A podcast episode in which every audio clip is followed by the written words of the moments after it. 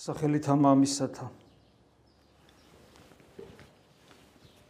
და ძისათა და სულისა წმინდისათა მორწმუნეობა ამაზე ხშირად საუბრობ ჩვენ ბრძოლას ნიშნავს. არ არსებობს იყო შეუძლებელია იყო მორწმუნე და არ იბრძოდე ალბათ თუ წარმოვიდგენთ ძალიან უმაღლეს წვერვალს სარწმუნოებრივი ცხოვრებისა სულიერი მდგომარეობისა ოდესაც ადამიანი განხთობილია ვთქვათ გიგო ხანსტელი გამახსენდა და ბრავალი წმინდანი რომლებიც მართლაც აი განხთობილი ადამიანების წვერვალს ეტალონს წარმოადგენენ მსგავსი ადამიანები. შეიძლება ვთქვათ ვიგულისხმოთ რომ მათ შეიძლება მსგავსი ბრძოლები არ ქონოდათ თუმცა თუმცა მაინც უნდა ვთქვათ რომ სანდამ ადამიანი ხორჩია მას ყოველთვის აქვს ბრძოლები. ბრძოლები რომელიც რა თქმა უნდა უკავშირდება მის ქრისტესადმი ერთგულებას მის ქრისტიანობას. ეშმაკი ყოველთვის ცდილობს იქ სადაც ეშმაკი ცდილობდა თავად ქრისტეს ცდუნებას უდაბნოში თავისთავად ცხადია რომ ის არც ერთ ადამიანს არ დატოვებს უყურადღებოდ მის უკანასკნელ ამოსუნ თქვამდე სადამ ადამიანი თავის სულს არ ჩააბარებს უფალს. ასე რომ ჩვენ ყოველთვის დგავართ აი ამ ყოველთვის ვართ ამ ბრძოლაში, ჩვენ როგორც კი განვაცხადეთ რომ ჩვენ ვართ ქრისტიანები, შევედით ამ ბრძოლაში და ეს ბრძოლა არის სასტიკი, არის დაუნდობელი, დაუნდობელი იმიტომ რომ იგი ჩვენ ჩვენი სულისათვის მიმდინარეობს, ბოროტ სულს რომ დაეპატრონოს ჩვენს სულს, დაეპატრონოს ჩვენს ბუნებას, მას სულს რომ და პრეტენზია აქვს როგორც წმინდა წერილიდან ვიცით რომ მან საკუთარ სახლად გვაქციოს და რა თქმა უნდა რწმენას რომელიც თავისთავად ირაციონალური ფენომენია იცდილობს რომ რწმენა გადაფაროს და რწმენა წაგვართვას. ეს მუდამ ხდება და არც ერთი ჩვენგანი ამისგან დაზღვეული არ არის. პირიქით მეცას ვიტყვით რომ თუ ეს ბრძოლა არ არის და თუ ჩვენ ბრძოლის garaშე ვფიქრობთ, რომ ვართ ქრისტიანები, ჩვენში რაღაც არა ჯანსაღია, ჩვენში არა ჭეშმარიტი სარწმუნოება, არამედ ფანატიზმი ჭარბობს. ფანატიზმი იგივე რელიგიურობა, იგივე არა, ну ასე ვთქვა, ფანატიზმი რელიგიურობაა, რელიგიურობა, რომელიც და ხიბლიც, ხიბლი შეიძლება ფანატიზმში არ ვლინდებოდეს, თქვა და ულტრალიბერალური რაღაც პოზიციები კონდეს. და რომ განყოთეს და რომ ორივე და დავასახელოთ, აი ხიბლი და რომელიც თავისთავად სიცრუეში მყოფობას ნიშნავს და ფანატიზმი, რომელიც ასევე ხიბლის ერთ-ერთი ნაყოფია და სიცრუეში მყოფობას ნიშნავს, არ არის რელიგიურობა, მაგრამ არ არის ჯანსაღი რელიგიურობა. შესაბამისად, იგი შეიძლება იკვებებოდეს დემონური სულით და შესაბამისად შეიძლება, ასე ვთქვათ, ამ დროს, ამ დროს ადამიანს არ აქვს ბძოლა ბოროტისგან, აი ეს აშკარა ბძოლა, რომელიც მის რელიგიურობას ებრძვის. ანუ გესმით, ადამიანი რელიგიურად ცხოვრობს, იგი კერჩი მუშტებს ირტყავს, რომ მას ღმერთის წამს და აი ამ ეგრეთ წოდებულ რწმენას, რომელიც ულტრალიბერალური გამოხატულების არის, ან ფანატიკურია, ამ რწმენას არ აქვს ბრძოლა დემონური სამყაროდან იმიტომ რომ სწორედ მისით, ანუ დემონური სამყაროთ არის დემონებით არის ინსპირირებული. ეხლა ამას იმიტომ ვამბობ, რომ ჩვენ უნდა ვიცოდეთ, რომ აი ეს ბრძოლა, ამ ბრძოლას ჩვენ გავდივართ, თითოეული ჩვენგანი გადის. და როცა ჩვენ მოგვეჩვენება, რომ გვეიოლება, გვეიოლება სულიერი ცხოვრება, როცა ჩვენ მოგოჩვენება რომ ჩვენ პრინციპში სულიერი ბრძოლები ეჭვების სახით თქვა სხვადასხვა შემოტევების სახით არა გვაქვს ეს სულაც არ ნიშნავს რომ ყველაფერი კარგად არის და ესე იგი ღვთის მადლის ქვეშ ვიმყოფებ უბრალოდ ღვთის მადლი გათავისებული გვაქვს და მასთან თანამშრომლობთ. ეს არის. და ერთ-ერთი თქვა გამოსაფხიზლებელი საშუალება ჩვენ რომ თქვა არ მიგვეძინოს არ მიგვეძინოს და არ გვეგონოს რომ ყველაფერი კარგად არის ერთ-ერთი გამოსაფხიზლებელი საშუალება ეს არის სწორედ წმინდა წერილი. აი დღევანდელი სახარებაც იოანეს სახარება იყო გვახსოვს, ეს არის მე-16 თავი. სწორედ აი ეს აი ამ გამოწვევის წინაშე გვაყენებს და ამ ხრივ იოანეს ეს სახარება ძალიან საინტერესო და მნიშვნელოვანია. აი თქო ჩვენ გახსოვთ ალბათ რა წავიკითხეთ აქ, ჩვენ წავიკითხეთ როგორ საუბრება უფალი მოწაფეებს მე-16 თავია როგორც გითხარით იონეს სახარებისა საუბრება იმის შესახებ რომ თქვათ უფლის სახელის მოხსენებაზე, იესოს სახელის მოხსენებაზეა საუბარი, რომ აქამდე არაფერი გითხოვიათ, ჩემი სახელით ითხოვდეთ და მიიღოთ და თქვენი სიხარული სავსებით იქნება.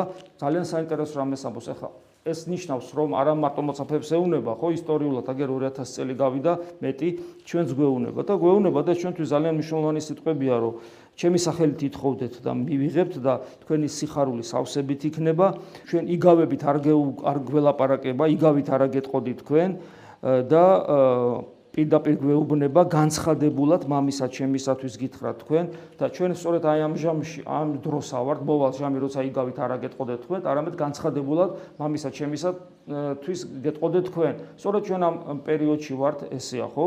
უკვე 2000 წელზე მეტი ეკლესია არსებობს დოგმატიკის корпуსის სრულად დევს წმინდა მამების ლოცვით, სისხლით და შრომით გამოტარებული და ჩვენამდე მოსული, ანუ თქვათ ის წმინდა წერილში არის ჭეშმარიტება განცხადებული ჩვენთვის გასაგებ ადამ ლოგიკურ ენაზე დაალაგებული და გადმოცემული, ანუ ჩვენ ყველაფერი ვიცით მამის შესახებ, ის რაც ადამიანმა უნდა იცოდეს თავის საოცრადია და არაბთელი სისავსით, ის რაც ეკლესიას განეცხადა, ეკლესიას როგორც ქრისტეს მისტიკურ მისტიკურ სხეულს განეცხადა, ეს ყველაფერი ჩვენ ვიცით და ჩვენ იგავებით აღარ საუბრობთ.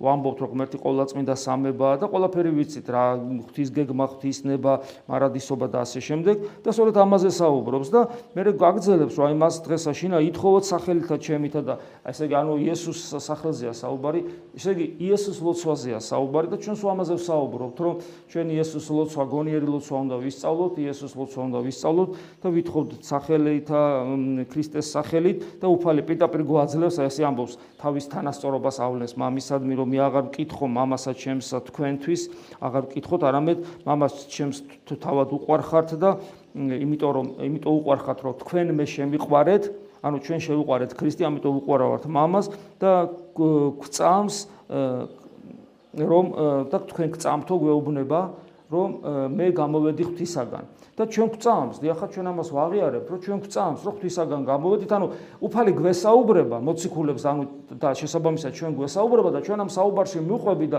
ჩვენთვის რაიმე უცხოს აქ ვერ ვხედავთ და ვერ ვნახულობ და გვიხარია, რომ აი ჩვენთვის ეს გასაგებია, ხო? რომ მე ჩვენ შევიყვარეთ უფალია ბაქ რატო ვართ და წამს რომ იგი ძე ღვთისა და ღვთისაგან მარადის იშვება როგორც ღვთისმეტყველება გვასწავლის ხო და აი ეს ეს ყველაფერი ჩვენ გვეხება და ჩვენ ეს წმენა გვაქვს და ჩვენ ეს გვახარებს და აი ასე ასე საუბრობს და მე მოწაფეები ეუბნებიან რომ აა მოწაფეები ეუბნებიან რომ აი ყველაფერს აჰა განცხადებულად გვეტყვი და არ იგავ იგავით აღარ გვესაუბრები და ჩვენს მოწაფეებთან ერთად შეგვიძლია ეს ვაღიაროთ, რომ დიახაც, ყველაფერი ვიცით, განცხადებულია. ღმერთი, რომელიც არავის არ უხილავს, ის ძე ძე რომელიც იყო წიახთა მამისათა მან გამოთქვა და ჩვენ ეს რაც გამოთქვა ჩვენ ეს ვიცით, ვისწავლეთ და ჩვენი საფხედელობაა, ჩვენ ამით ცხოვრობთ, ამით ამით ვარსებობთ, ჩვენი რწმენის საფუძველთა საფუძველია და მოციქულებთან ერთად ვიტყვით, რომ დიახაც, ჩვენ ყოველივე, ესე იგი, ჩვენ უკვე გვწამს და ჩვენ ყველაფერის გვესმის და ამიტომ და ვიცით რაც თავარია, რომ ღვთისაგან გამოხვედი და გვწამს, აი ამას ადასტურებენ, გვწამს. მოციქულები და ჩვენც მასთან ერთად და აი უცებ, აი უცებ უფალი ამბობს საინტერესო რამეს, რომელიც გამოწვევაა, რა თქმა უნდა, მოციქულებისთვისაც მაშინ და ჩვენთვისაც. ანუ ჩვენ რო ჩვენ ახსარებლობას ვაღიარებთ, აი მაგალითად ყოველი ესე იგი წირვის დროს ჩვენ ამბობთ მწამსი, ხო? რომ მწამს ერთი ღმერთი მამაყოვლის ამყობელი შემოქმედი ცათა და ქვეყანის და ასე შემდეგ. ასევე ზიარების წინ, ხო, აი, როცა მე წარმოვთქვი ახლა ლოცვა, რომელიც თქვენ ისმენდი და ეს თქვენთვისაც ზიარების წინა მოსამზადებელი ლოცვა, წამს უფალოდ აღიარებ რამე თუ შენ ხარ ჭეშმარიტად ქრისტეს ძეღვთის ამხოლო ჩობილ. ანუ გესმით, აი ეს ეს ეს წამსი, რომელსაც რომლის გარეშე ჩვენ არ ვარსებობს და ვამბობთ, რომ წამს, თუ არ გწამს, აბა რას ვამბობთ ლოცვის დროს? ხო არ თამაშობთ, წამს და ვეუნებით უფალს. ო ჩვენ წამს, წამხარ, წამს. და უცებ უფალი გეუნება.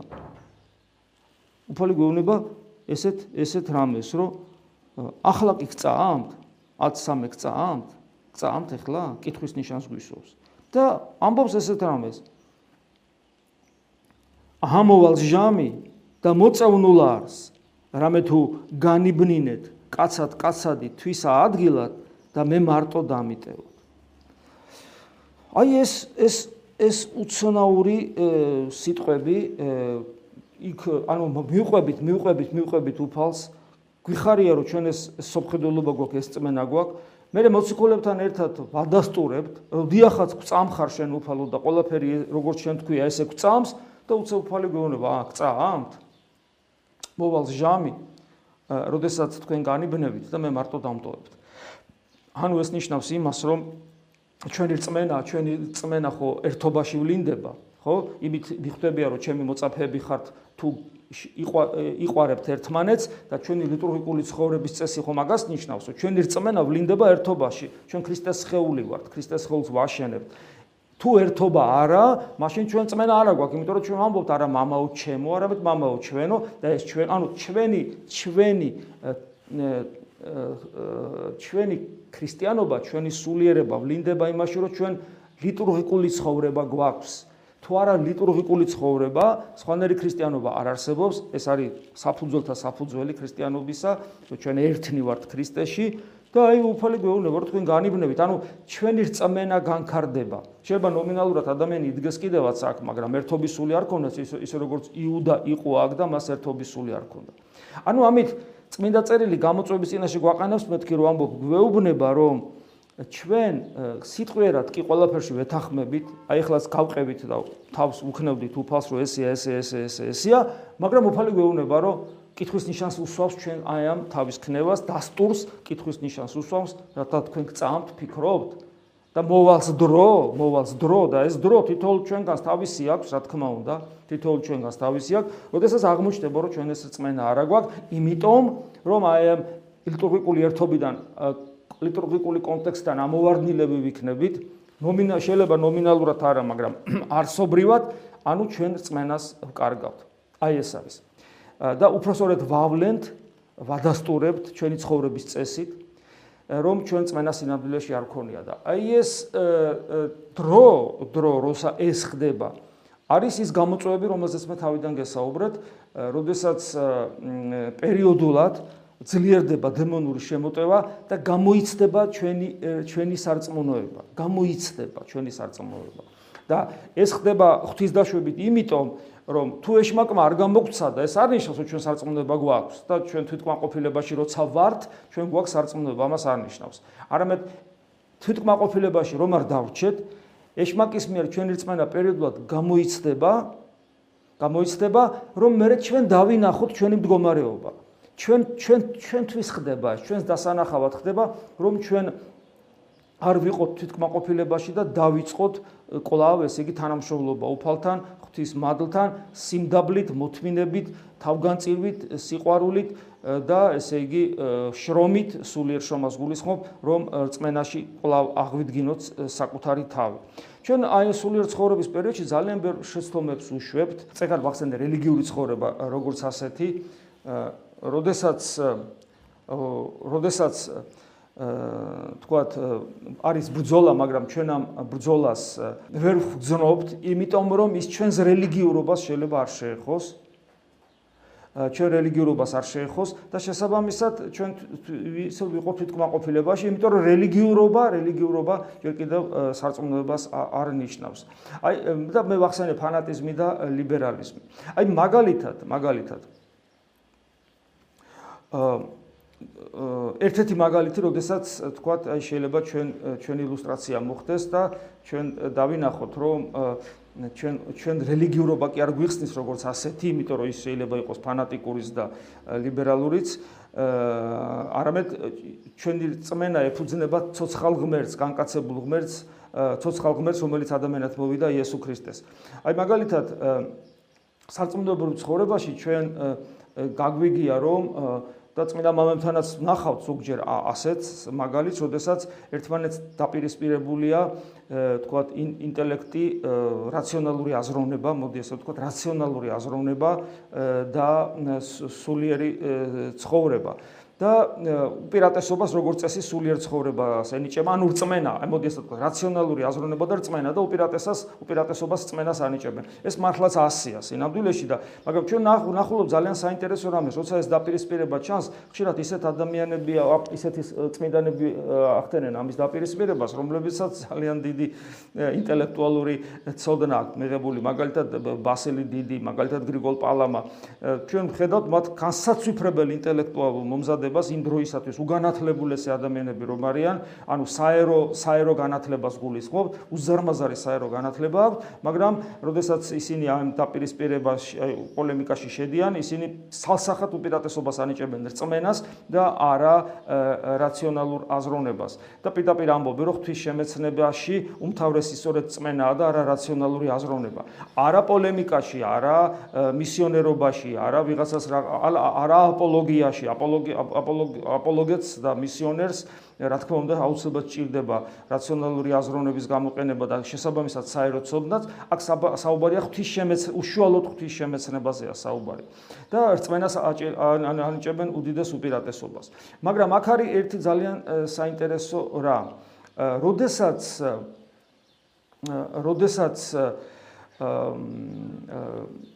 ესე იგი რწმენა, რწმენის პირისპირ დგება არა თქვათ ცოცხალი ღმერთის შემეცნება, ცოცხალი ღმერთის შემეცნება, არამედ რელიგიურობა, როგორც ასეთი, როგორც ასეთი, აი ამ დროს, ამ დროს უდიდესი მნიშვნელობა აქვს ჩვენს რაციონალურ აზროვნებას.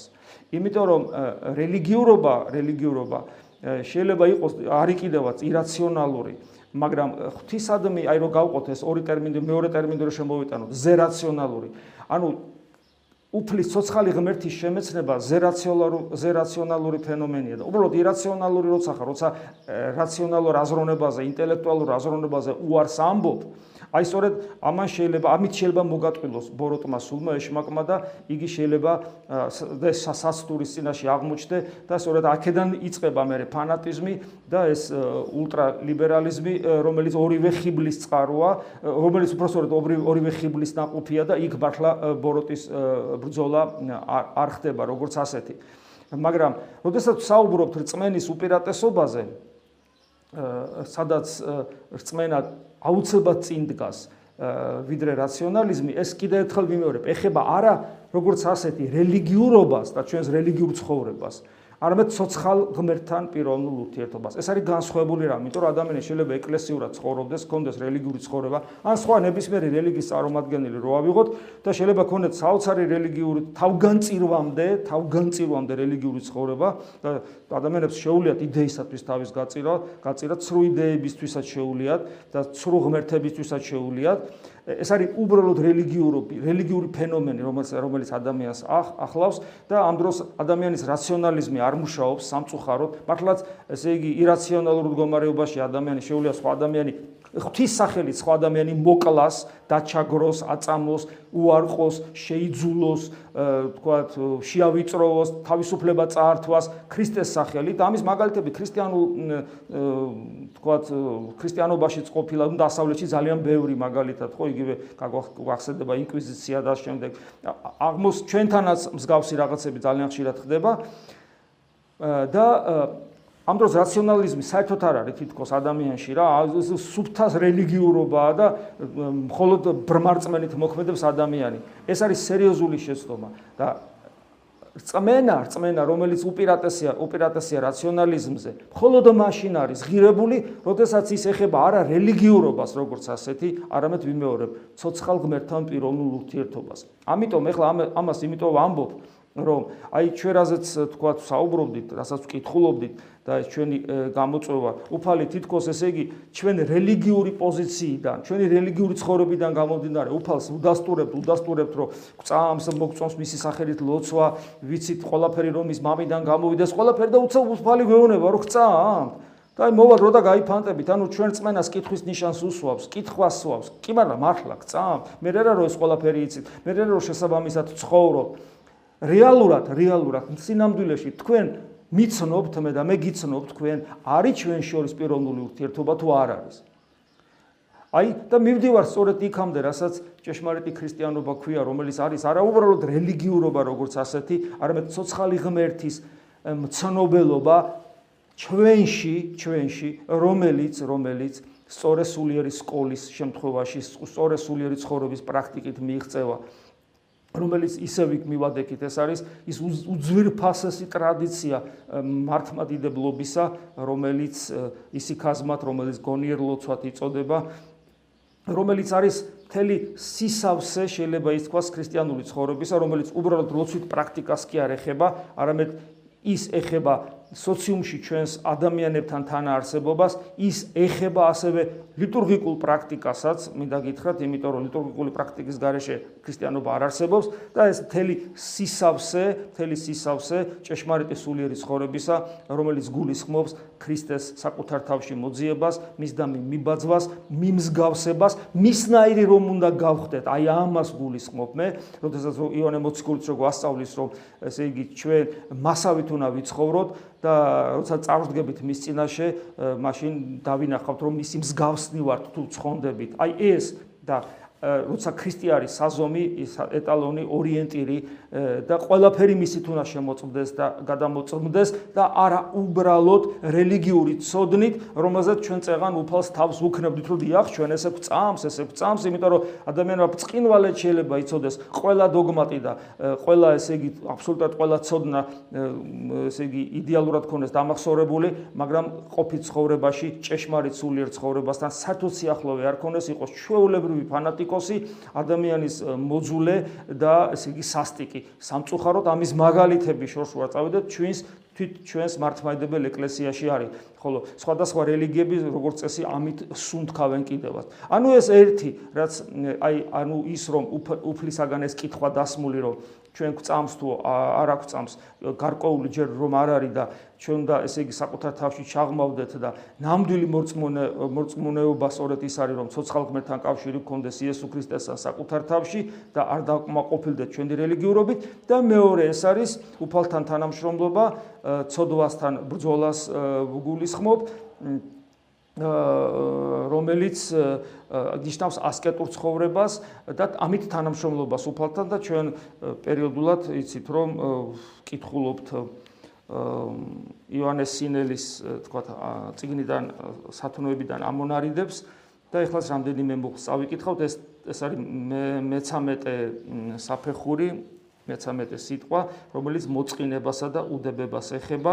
მოწყინება ეს არის ერთ-ერთი უმნიშვნელოვანესი ნიშანი ჩვენი უღმერთობისა ჩვენ შეიძლება გქონდეს ძალიან მაგარი რელიგიური ცხოვრება, მაგრამ მოწყინებაში ვიყოთ, ეს ნიშნავს, რომ ჩვენი რელიგიური ცხოვრება სინამდვილეში დაცლილია ჭეშმარიტი ქრისტიანობისგან, სულიერებისგან და რამდენიმე მუხლი აი ამ მოწყინების და უდებების შესახებ თავიდან. მოწყინება ხშირად როგორც ადრეც გითხარით, ეს იოანეს სინელის სიტყვებია, მრავლის მეტყველების ერთ-ერთი უპირველესი გამონაზარდი ერთ-ერთი უპირველესი პირმშოა. ძალიან საინტერესოა, როცა მოწყინებას მრავლის მეტყოლებასთან მრავლის მეტყოლებასთან ერთად განიხილავს, იმიტომ რომ მრავლის მეტყოლება უქმე სიტყვა, რომლისათვისაც პასუხს ვაგებთ, როგორც უფალი ჩვენ იესო ქრისტეს ახარებაში გვეუბნება, მრავლის მეტყოლება ნიშანია ადამიანის სიცარიელისა, ადამიანის პატივმოყარეობისა და ასე შემდეგ. და მრავლის მეტყოლებაში რა იგულისხმება? აი მაგალითად პავლე მოციქული მთელი ღამე ქადაგებდა იმ დონეზე რომ ერთ ბავშვი ბიჭუნას ჩაეცინა და მესამე სართულიდან გადავარდა. ხო გახსოვთ ეს რომელიც მე პავლემ გადაარჩინა. ანუ აქ რა საუბარი არა თქვა ხანგრძლივ საუბარზე არამედ საუბარია უქმ საუბარზე. მრავლის მეტყოლება სიტყვა რომელიც არაფრის მომცემია და ეს არის ერთ-ერთი ნიშანი მოწყინების ადამიანი გაურბის მოწყინებას მრავლის მეტყოლებით და ეხლა ეს არის და როდის დაწერილი ხო? წარმოგიდგენიათ იოანეს სინელის ეს სიტყვები და დღეს მრავლის მეტყველება სხვა ბევრი რამე ჩაენაცვლა.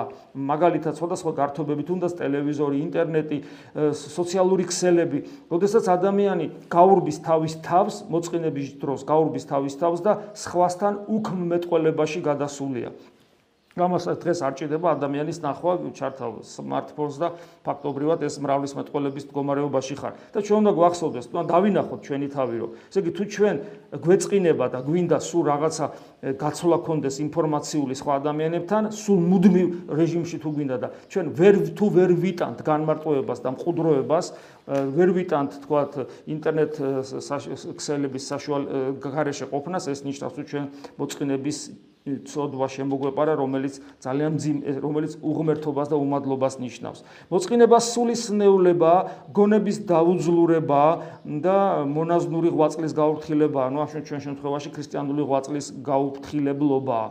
სულისნეულება რას ნიშნავს? დაავადებული სული, უღმერთო სული, გონების დაუძლურება რას ნიშნავს? როცა გონება, რომელსაც ღმერთის ხედვა არ არ ძალუც და ესე იგი ამით დაინვალიდებულია შეიძლება ასე ითქვას და ქრისტიანული ღვაწლის წლის გაუფრთხილებლობა. რაღაცა ხო გვიკეთებია, მოდი ესე ვთქვათ, ზოგს მრავალი წლის განმავლობაში და თუ ჩვენ მოწყინებას არ არ ესე იგი უფრთხით და მას ვიწყნარებთ და ვითავისებთ, რომელიც სხვადასხვა სხვადასხვა რომელსაც სხვადასხვა ნიშნები აქვს და ეს ნიშნები ჩვენ უნდა ვიცოდეთ, ერთი ვთქვით კიდევაც, ეს არის მრავლის მეტყველება თქვა ჩვენ თუ არ გაურბივალთ მოწყინებას ესე იგი ჩვენი სული კიდევ უფრო მეტად და მეტად დასნეულდება. მას შევბორკოთ ეს ბოროტება სიკვდილის ხსოვნის ბორკილები ძალიან საინტერესო რამ არის ესე იგი ბოროტებას უწოდებს მოწყინებას და ესე იგი დავატყოვოთ სიკვდილის ხსოვნის ბორკილებით. ანუ როდესაც ჩვენ მოწყინებაში ვართ ამასოფლისგან ნუგეშს ველოდებით, ეს არის მრავლის მეტყოლების ერთ-ერთი გამოხატულება და ვერთობით მოკლედ ვთქვათ. და სიკვდილს როგორც კი ახსენებს ადამიანი კარგა და სიღრმისეულად მიხვდება, რომ უბრალოდ ახსენდება, რომ ეს წაერთმება, ეს აქაური გართობა შესაბამისად მხოლოდ ღმერთია ჩვენი ხსნელი იმ დროს, როცა ჩვენ გარდავიცვლები და სოფელი წაგვერთვება.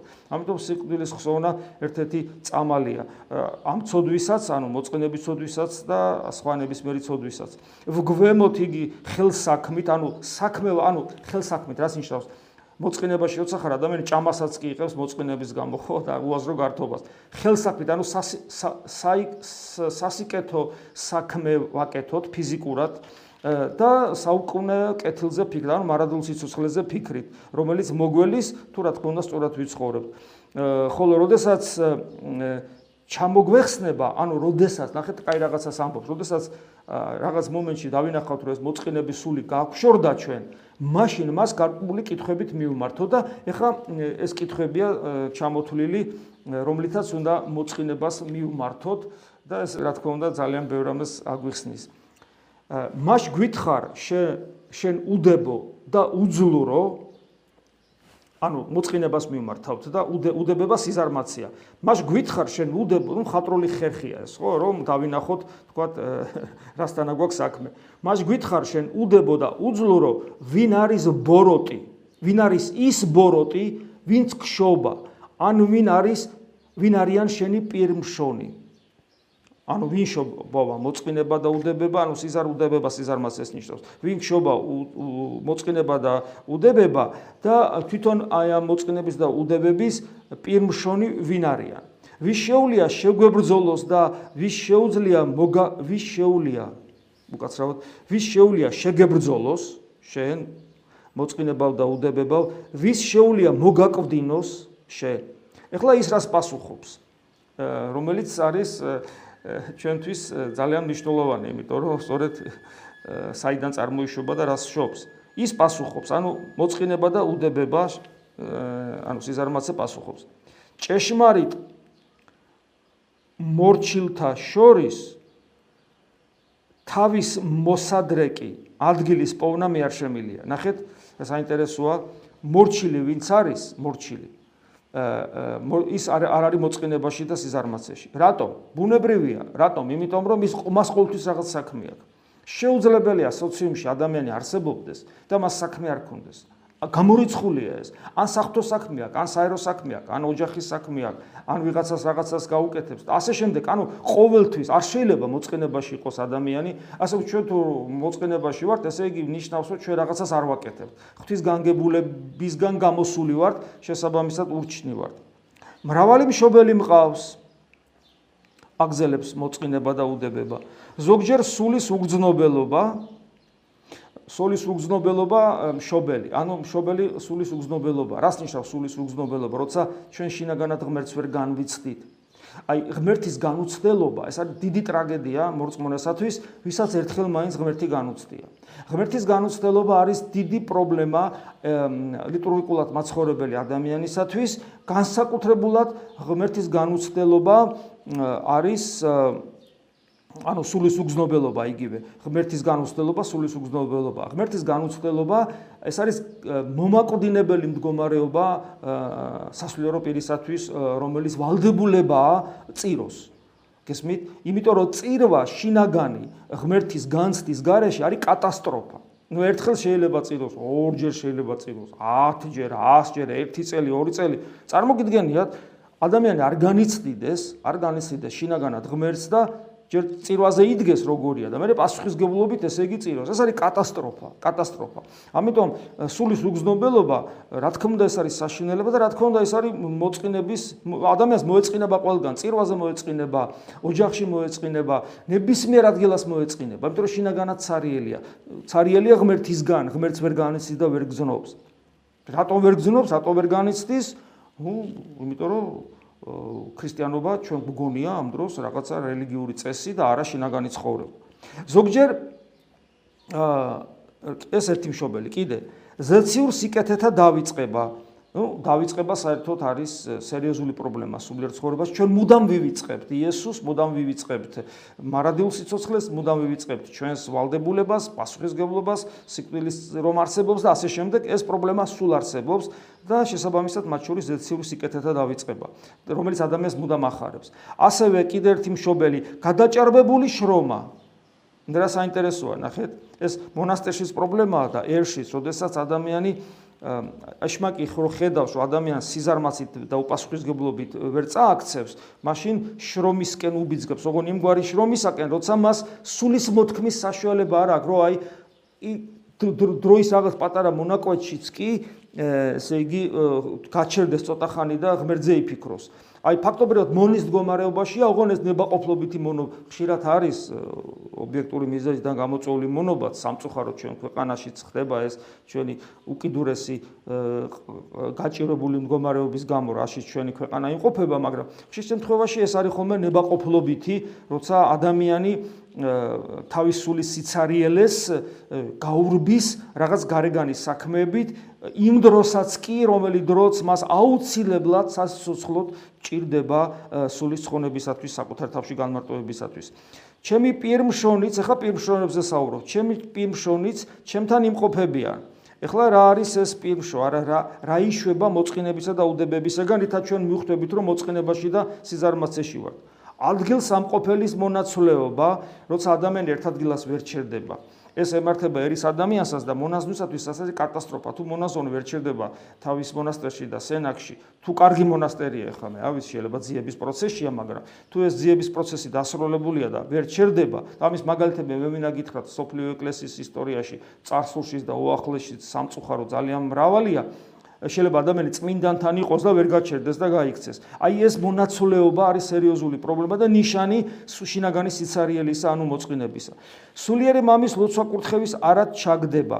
ნუ აქ სულიერ სულიერ მამას რო ვახსენებთ, ყოველთვის, ყოველთვის სიბძნეს უნდა მოუხმოთ, რომ ესე იგი გვახსოვდეს უფლის სიტყვები ბრმა ბრმა საეკიდა და ორივე ორმოს ჩავარდა, იმიტომ რომ სულიერი мама ეს ძალიან მაღალი ნიშნულია და ჩვენ არ შეგვიძლია ყველა სულიერი мама უწოდოთ და ეს ეს გავრცელებული პრაქტიკაა საქართველოს სინამდვილეში და ალბათ სოფლიოში, როცა ადამიანი მოხდება, თქვათ, ვიღაცა მღვდელთან, აი თქვათ, ჩემთან მოხდა ადამიანი მექანიკურად და რადგან მოხდა ჩემთან ის თulis რომ აი мама თეოდორი ჩემი სულიერი мама რაც სინამდვილეში სიმართლეს არ შეეფერება იმიტომ რომ ჩვენ შეიძლება სულიერად არაფერი საერთო არ გქონდეს უბრალოდ კი ბატონო შეიძლება ჩემი ბრალი იყოს თავიდან ბოლომდე მაგრამ მე ვერ ვიქნები შენი სულიერი мама იმიტომ რომ ჩვენ არაფერი საერთო არ აგვაქვს მიუხედავად იმისა რომ ნომინალურად ორივე ეკლესიაში ვარ მით უმეტეს თუ მე ქრისტესკენ არ მივდივარ და შენ მაინც ესე იგი მე მეუბნებ ამბობ რომ ეს ჩემი სულიერი мама და თუ ქრისტესკენ არ და შეიძლება არც იცი მივდივარ თუ არ მივდივარ ეგეც საინტერესოა საინტერესოა. აი რა იცი მე მივდივარ თუ არა ქრისტესკენ. სად გაქვს ეს არგუმენტაცია?